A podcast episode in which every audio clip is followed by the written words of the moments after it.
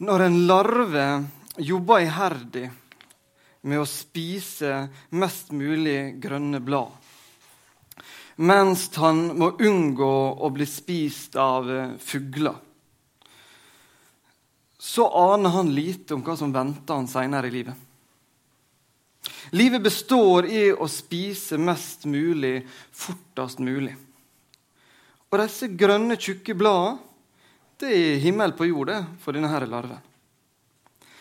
Av oss mennesker så blir han kanskje regna som et skadedyr. Men eh, livsverket til larven virker ganske så fint der han går fra blad til blad og spiser. Vi vet at denne larven kan vente seg et helt annet liv litt lenger framme. En dag vil han flyge fra blomst til blomst som en vakker sommerfugl. Han er ikke lenger et skadedyr, men noe utrolig vakkert. Vi kan fort tenke at dette her burde denne her larven visst. Eller vi kunne si at Han skulle gjerne visst dette her når han går der mellom disse bladene. Men jeg lurer på om det er en som sitter og så ser på oss mennesker og tenker litt det samme. Når Gud ser hva vi er fornøyd med, hva vi faktisk kan se som toppen av lykke, mens han egentlig vet hva som er det gode livet for oss, så kan hende han kan bli litt sørgmodig når han ser på hva vi fyller livet vårt med. Vi skal se et klipp nå fra en film. After everything I know, after 20 years of everything we've learned, I threw it all away for the thrill of putting his name on the honeymoon suite. If I met me now, I wouldn't know me. As long as we're going down this road, I can't believe that my life revolves around a man. On what planet did I allow that to happen? But you love him. Does that mean saying his name 50 times more a day than I say my own? Does it mean worrying about him and his needs before me and mine? Is it all about the other person? Is that love? No, that's marriage. Even this ring. I wanted to buy this for myself. That meant something to me to be able to do that. And then he buys it for me. Because he knew how much you loved it. Yes, but now every time I look down at it, I see him, not me. Når han skal lage en film eller en TV-serie, så setter han ting litt på spissen av og til. Dette her er henta fra en film som heter 'Sex og singelliv'.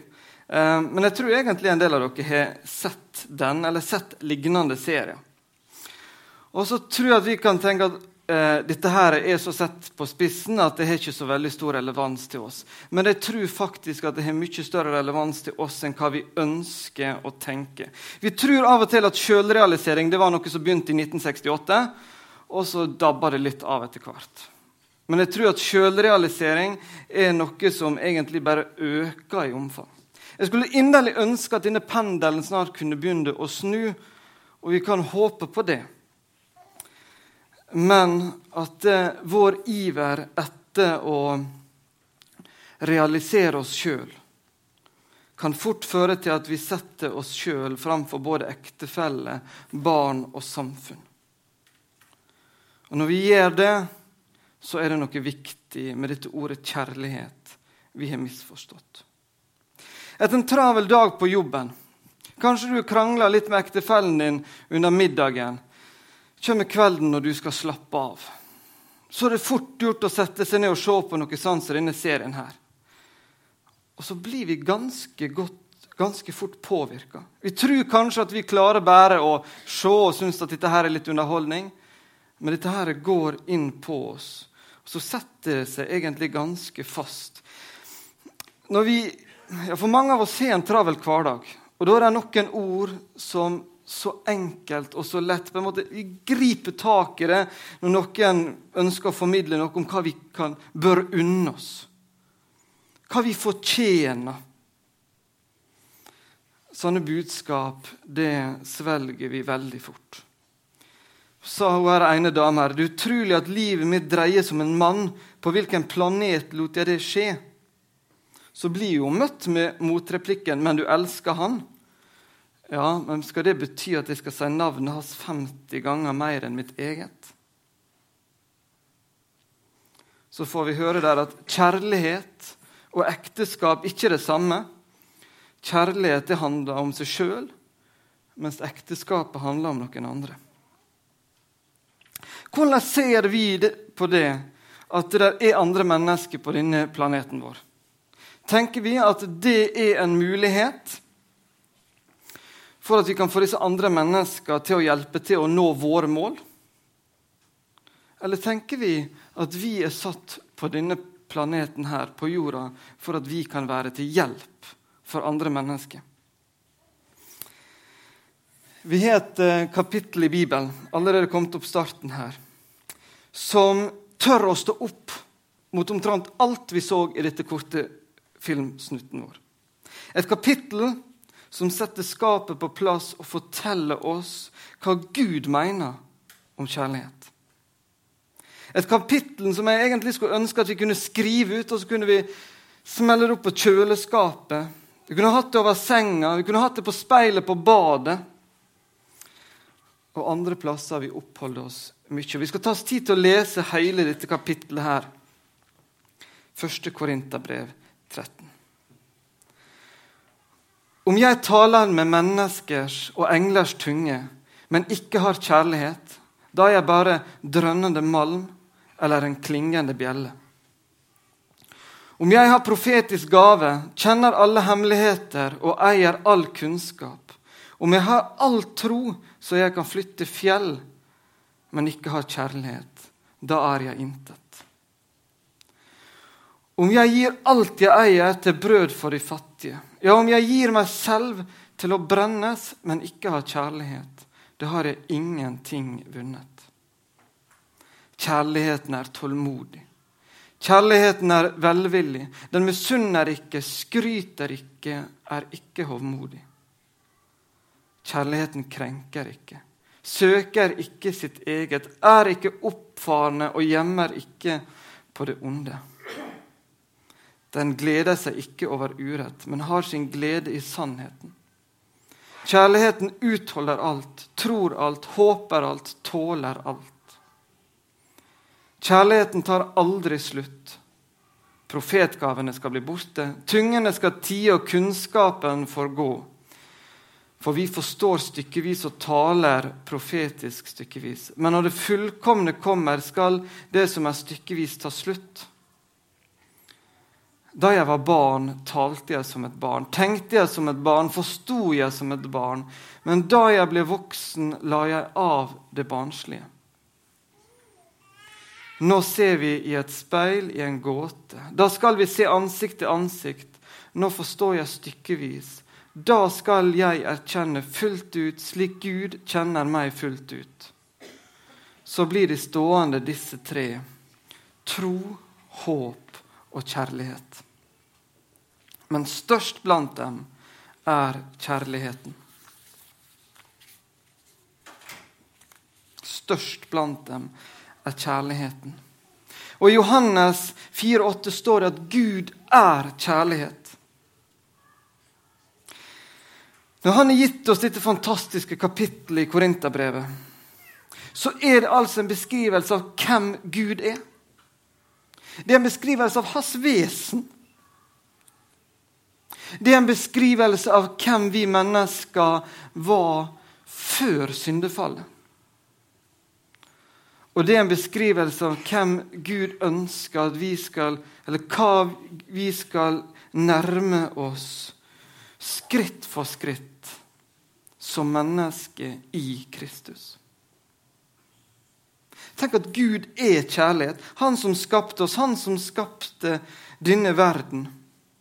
I sitt vesen, altså. Det som, setter, det som vi setter så høyt, kjærlighet, det er han. Selv om vi av og til har problemer med å forstå hva det er.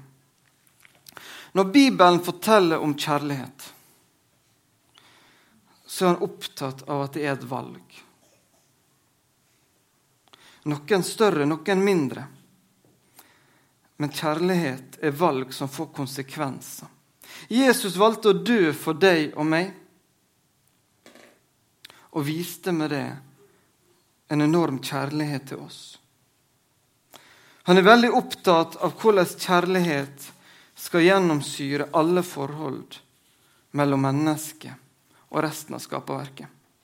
Og det kunne jeg ha snakka mye om. Men i dag har jeg valgt å sette fokus på ekteskapet. Det er det det skal handle om eh, videre nå.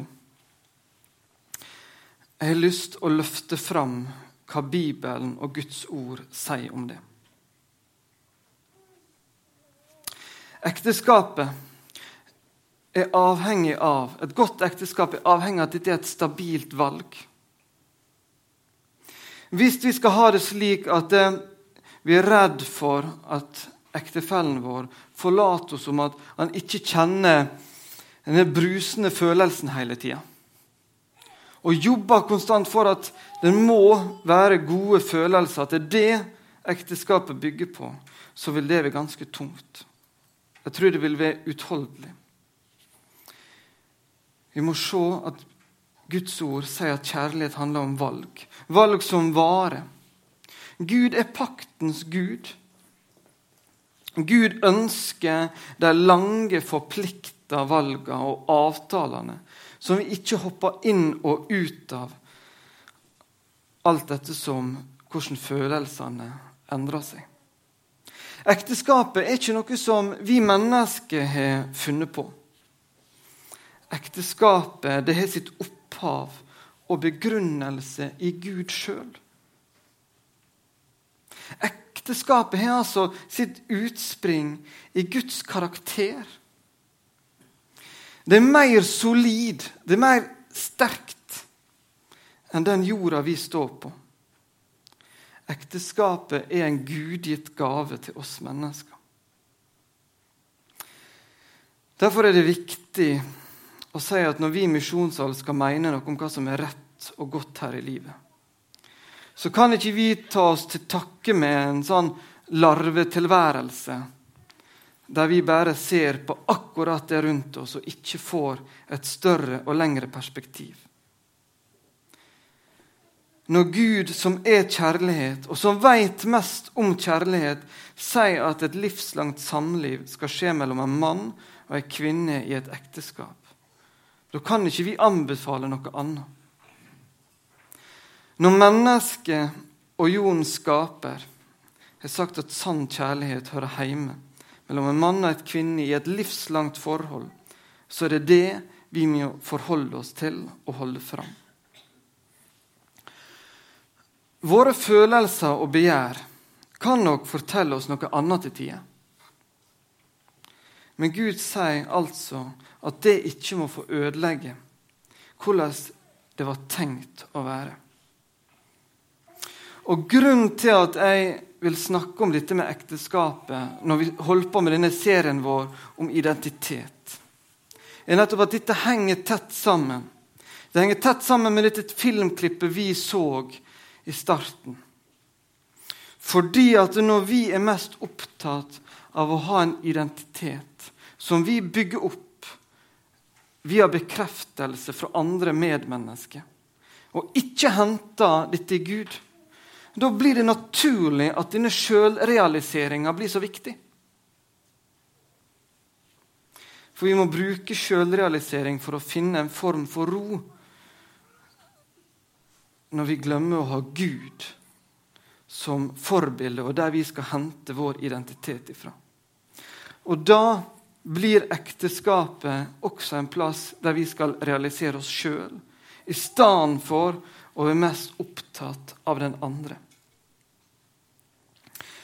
Margrethe, kona mi, hadde en prat eh, med flere ganske nygifte jenter for en. Der kom det fram at disse her jentene de så for seg at denne nyforelska følelsen skulle vare hele livet. Og hvis den skulle ha sine downs, dårlige perioder, så var de rett og slett usikre på hva de skulle gjøre med det. Måtte det bety at de, at de burde ha et samlivsbrudd? For at de tenkte at denne følelsen måtte være på topp hele tida.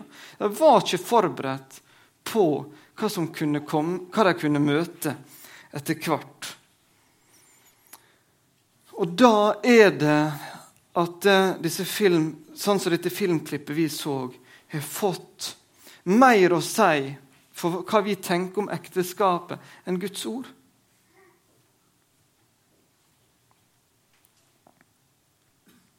Et liv som i stor grad handler om oppofrelse for andre mennesker, blir i vårt samfunn ofte sett på som et nederlag. Nærmest som et ikke levd liv. 1. Korinterne 13 sier det stikk motsatte. Det sier at kjærlighet ikke søker sitt eget, men at det derimot utholder alt, tror alt, håper alt og tar aldri slutt. Jeg valgte å gifte meg med ei jente som var oppvokst i helt andre omgivelser enn meg sjøl. Og oppveksten betyr mye for våre interesser.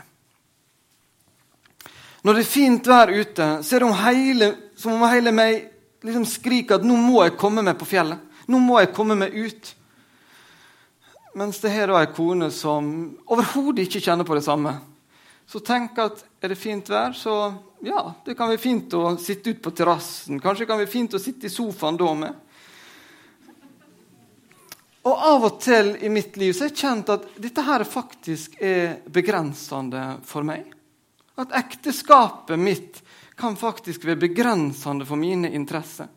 Jeg kan ikke bare gjøre sånn som jeg tenker har mest lyst, og det som hadde vært med på realisert meg sjøl. Og Margrethe, som gifta seg med meg Jeg studerte jo teologi når vi traff hverandre, så kunne jo kanskje ant noe. Men hun var jo ikke da klar over at hun eh, gifta seg med en pastor som er på jobb omtrent samtlige søndager. Eh, som gjør at det blir fryktelig dårlig med lange, koselige søndagsfrokoster i heimen vår. Så betyr at helge betyr jobb, og derfor er det vanskelig å få til utflukt og besøk sånn som kanskje naturlig for de fleste andre. Så hun gifta seg med en som gjør at det er en del begrensninger i hennes liv. Det er en del ønsker og drømmer som hun har, som vi ikke får til å gjennomføre i praksis. Men det er ikke slik at kjærlighet handler om meg. At ekteskapet handler om en god ordning for å realisere meg sjøl. Kjærlighet og ekteskap handler om en pakt som skal vare de dagene det kjennes litt tungt. De dagene det kjennes rett og slett skikkelig vanskelig. Og alle de dagene det føles superdigg.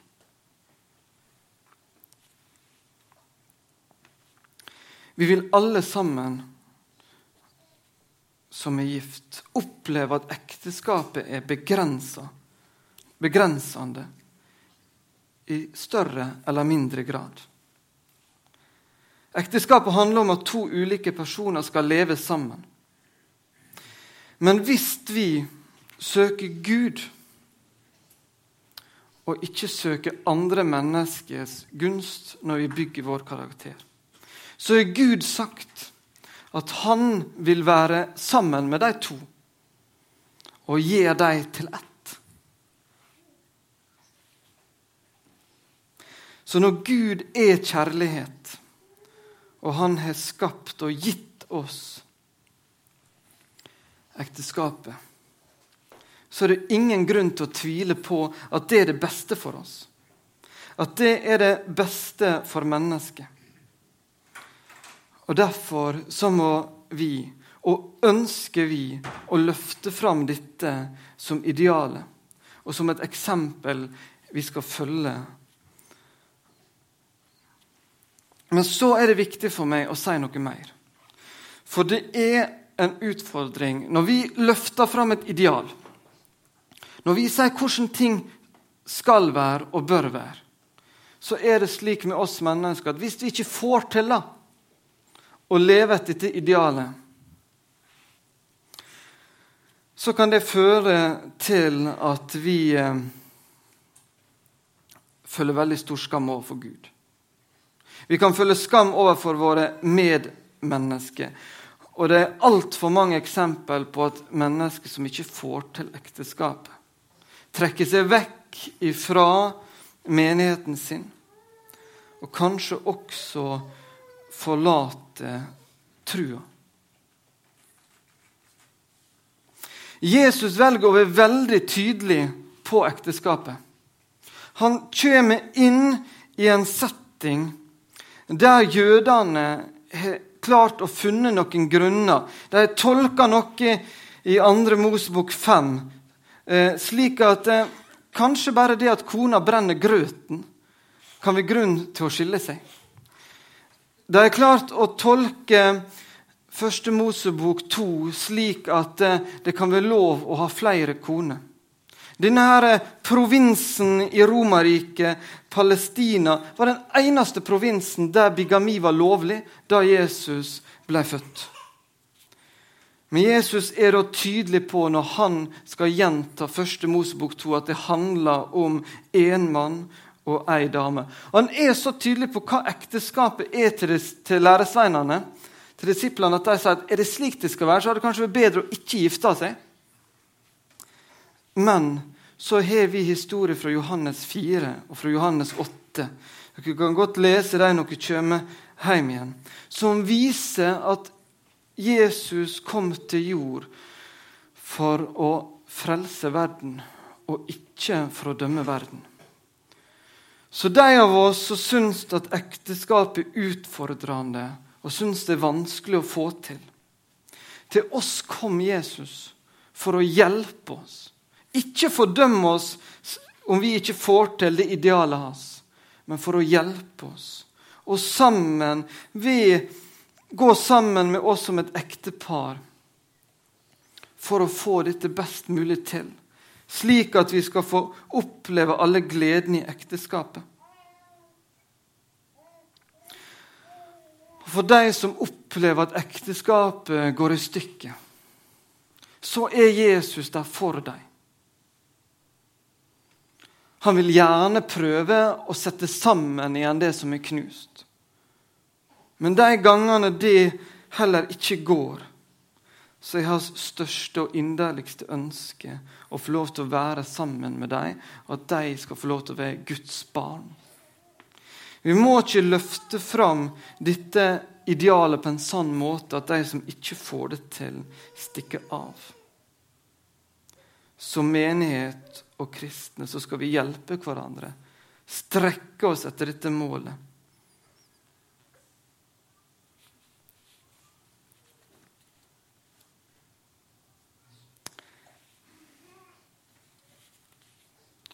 Jeg har lyst til å si noe til de som ikke er gift ennå. Som ønsker å finne noen å dele livet med. Jeg tror der som kristne og som menighet har vi ofte ikke vært flinke nok til å snakke om hva ekteskap er. Snakke om hva det vil si når vi står og sier ja til alle de gode og onde dagene. Tegne opp noen bilder av hva disse her onde dagene faktisk kan være. Vi skal løfte fram at ekteskap er en flott, god gave. Men vi må vite, og vi som menighet har en oppgave å hjelpe folk å vite hva de går inn i.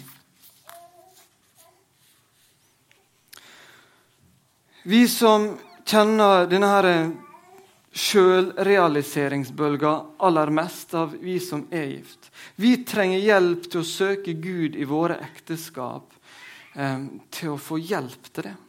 At vi får hjelp til å se på Gud, hente vår inspirasjon der og hjelpe han til å få dette til, at det blir best mulig. Vi har statistikken på vår side som sier at, at gresset er ikke grønnere på andre sida av gjerdet. Det koster litt jobbing å få til disse ekteskapene, men det er verdt det. La oss bruke tid på det. så tror jeg kanskje, uten at vi skal sette for tydelige sånne folk i båser, men kanskje dere som er blant de eldre her, skal bruke mest tid på å tenke på det med, med kommunikasjon i ekteskapet. Jeg har hørt to-tre historier om de er oppdikta eller hvor sanne det ikke er, men, men folk som beskriver det at nei, skilsmisse det er ikke vært aktuelt, men drap det har jeg tenkt på noen ganger. Det er liksom en generasjon som kanskje er litt der. Som kanskje det er helt uaktuelt med et samlivsbrudd. Men det er ikke sikkert det er så bra, dette ekteskapet, av den grunn. Kanskje vi skulle jobbe litt med kommunikasjon. At vi kunne la først den ene, så den andre, uten å bli avbrutt, få lov til å fortelle litt om hva ønsker han fra den andre. Snakke litt om hva er det jeg ønsker at vi kunne gjøre, at vi kunne få ut av ekteskapet vårt. Her i Misjonssalen så er vi veldig opptatt av dette.